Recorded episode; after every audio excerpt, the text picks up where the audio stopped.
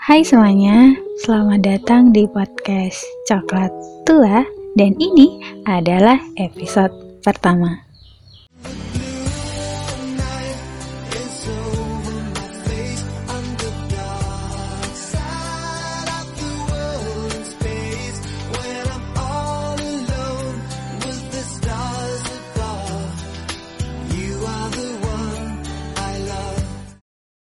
Episode pertama ini saya bakal cerita salah satu manga legend, manga BL legend versi saya. Kenapa legend?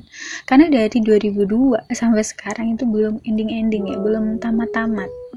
Oh ya, sebelumnya saya mau disclaimer dulu nih ya kalau saya itu bukan wibu, bukan otaku dan kawan-kawan sejenisnya ya. Saya juga bukan drama holik yang tiap minggunya itu pasti nonton satu drama atau beberapa drama enggak ya. Saya benar-benar saya benar-benar nonton biasa pengamat biasa. Jadi uh, maaf maaf nih ya kalau konten ini nanti mungkin dari segi analisa nggak sedalam pakar-pakar yang memang ahli di bidangnya gitu ya kayak pengamat film atau penyuka hal tersebut.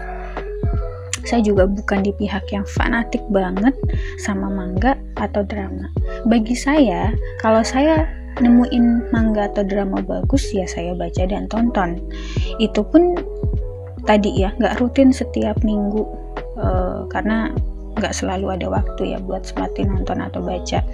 Hanya saja saya buat podcast ya dalam rangka sekadar buat sharing apa yang lagi saya suka yang berhubungan dengan uh, genre BL yaitu drama ataupun manga. Jadi uh, apa ya podcast ini murni ya murni hanya untuk berbagi saja gitu. Kalau mungkin mau analisa lebih berat analisa lebih detail bolehlah kelapak-kelapak yang lain ya. Kalau analisa dari saya analisa yang sangat ringan gitu. Oke kita lanjut ya ngomongin komik.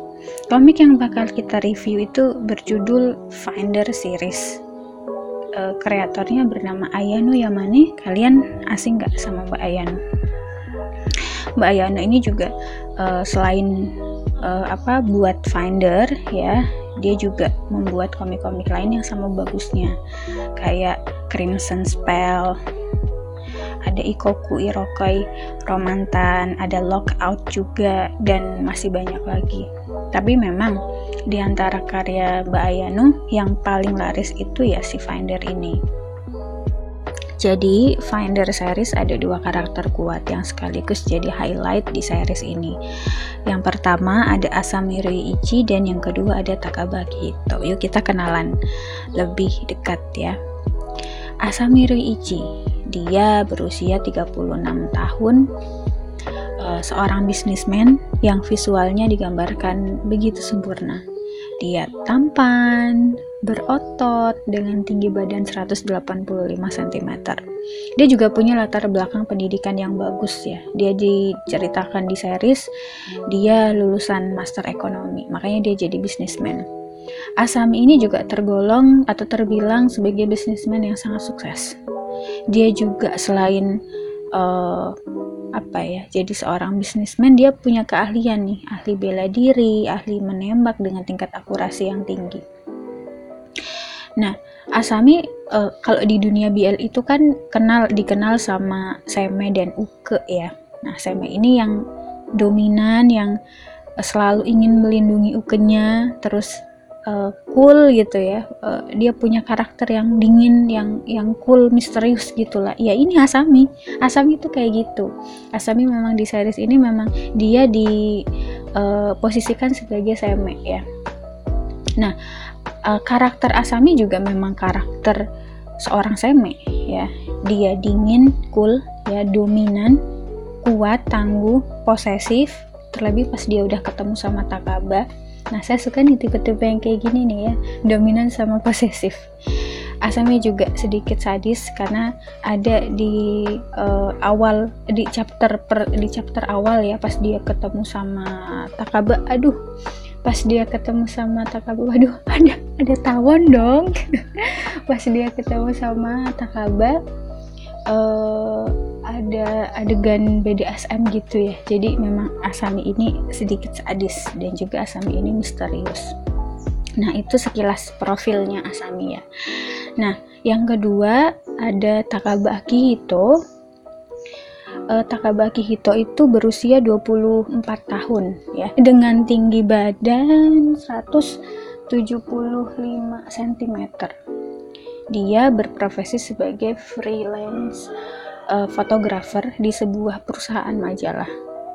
Takaba ini digambarkan punya kepribadian yang ceria, ya layaknya Uke lah ya, ceria, terus hiperaktif, pemberontak. Nah itu Takaba tuh, ya ceria, pemberontak, hiperaktif, loyal sama teman-temannya, peduli sama teman-temannya. Ini yang membuat Asami suka ya. Dia bukan tipe yang egois, dia tipe yang yang memang uh, loyal dan peduli sama teman-temannya. Dia juga pribadi yang mandiri, sedikit impulsif dan pemberontak.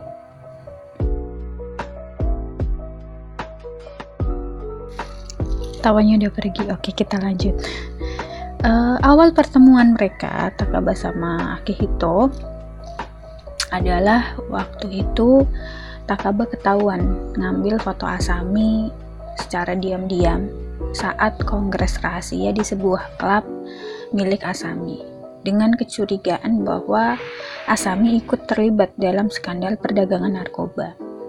Takaba sempat kabur nih di pelarian pertama, tapi pas kedua kalinya dia mau ambil foto Asami lagi secara diam-diam, lalu tiba-tiba blackout gitu. Epicnya tuh di sini. Epicnya tuh um, pas uh, Takaba ini mengarahkan lensa kameranya ke arah Asami, kan posisi Takaba itu di atas gedung, Asami di bawah ya, di bawah jauh lah. Eh pas waktu Takaba itu ngarahin si lensanya tadi ke arah Asami Asami langsung nengok dong. Dan habis itu blackout ya habis itu gelap. Dan eh, Takaba ngerasain nah setelah ini ya setelah sadar setelah bangun Takaba ngerasain hawa panas mengalir di tubuhnya. Dan dia ternyata dia ternyata sudah dalam keadaan telanjang di depan Asami. Uh, dia Takaba ngerasa apa ya uh, kayaknya dia dikasih obat obat obat obat untuk merangsang gitu ya. Dan ya Asami melakukan pemerkosaan ya ke Takaba dengan lebih dulu dipasang uh, aksesoris ya di badan. Jadi Takaba, jadi tangan Takaba dan kakinya terikat ya terantai gitu ini memang adegan BDSM banget Nah, kemudian uh, singkat cerita Takaba uh, kembali ke apartemennya dan dia sadar bahwa ia di, ia ternyata diperalat gitu oleh bosnya. Dan uh, ketika sadar, pistol sudah berada di sisi kiri pelipisnya. Namun dengan sigap Asami datang dan menyelamatkannya.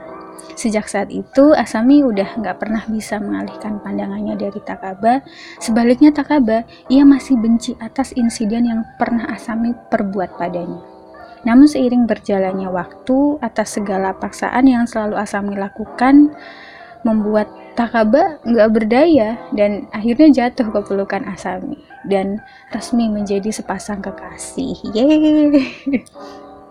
Nah, sampai sekarang Finder series sudah masuk ke volume eh, sudah memasuki volume ke-12 ya eh, yang berjudul Innocent Eye.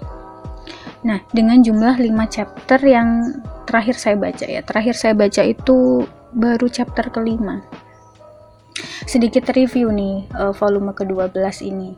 Di situ Takaba uh, amnesia dan ia diculik oleh musuh bebuyutannya eh, oleh musuh bebuyutannya Asami. Kemudian Takaba didoktrin bahwa Asami adalah musuhnya. Sehingga ketika Takaba bertemu dengan Asami, maka ta maka Takaba akan langsung membunuhnya.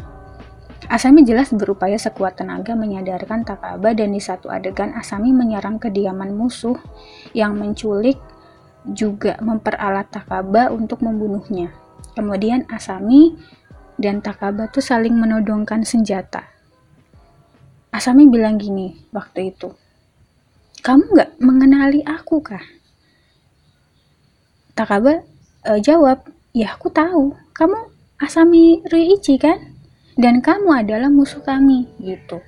Terus tiba-tiba, dor, ada suara tembakan dari arah belakang Terus Takaba jatuh tersungkur ke dada Asami.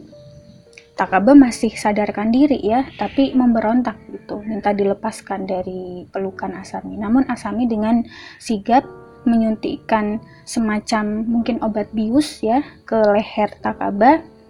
Terus akhirnya Takaba pingsan dan Takaba berhasil dibawa pergi oleh Asami. Di akhir chapter Asami bilang gini, akhirnya aku bisa membawamu kembali.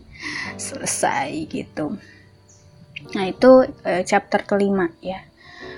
Dan ini tentunya masih ongoing ya dan nggak tahu ya selesainya kapan. Ini uh, untuk update ceritanya kurang tahu sih setiap hari apa.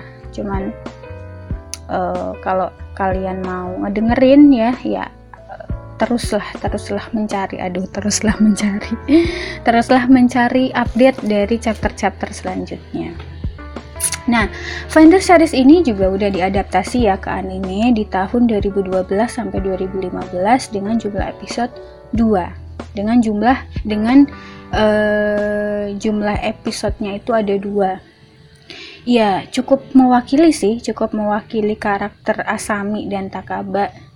Ya, bagaimana Asami yang cool, terus misterius, terus selalu ingin melindungi Takaba ya. Dan juga Takaba di situ uh, digambarkan pemberontak gitu ya. Terus uh, apa namanya nggak berdaya gitu kalau udah di hadapannya Asami gitu. Lumayan cukup tergambar ya. Meskipun kalau ditanya kurang nggak kalau cuma dua episode? Ya kurang lah jelas lah kurang.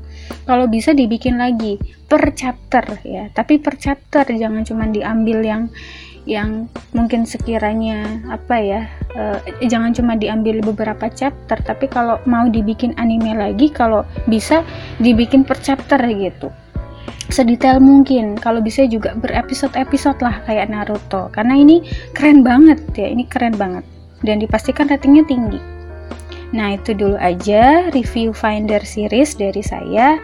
Bisa kalian baca di berbagai website penyedia manga gratis ya. Saya sukanya yang gratis-gratis sih. Tapi biasanya yang uh, website gratis ini yang yang ini ya, yang legal ya. Karena kan ada juga website yang itu juga gratis tapi nggak tapi nggak legal ya udah dihapus sama kominfo. Jadi biasanya saya mau baca harus pakai VPN dulu. Nah itu uh, updateannya biasanya cukup cukup cepat ya daripada website yang legal yang masih diizinkan uh, oleh pemerintah untuk beroperasi itu malah jauh lebih lelet updateannya. Jadi saya biasanya kalau mau baca komik-komik yang um, mungkin komik-komik yang uh, ya oi atau yang BL biasanya saya harus pakai VPN dulu. Gitu.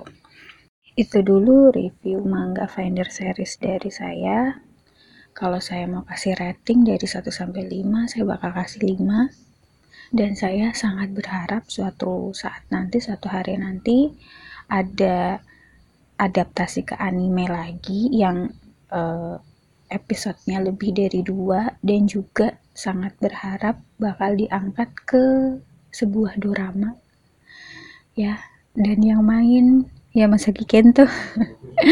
Ya Masaki Kento jadi takabanya ya ya namanya juga mimpi ya. Nggak tahu ya uh, Mbak Ayano bakal mengkreatnya seperti apa lagi. Nah semoga kalian suka sama review saya. Kalau suka kalau tertarik tetap follow terus podcast coklat tua ini. Dan sampai jumpa.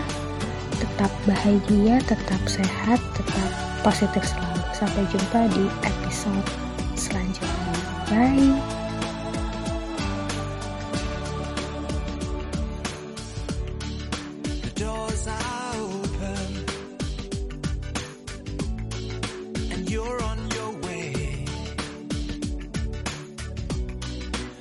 rise up the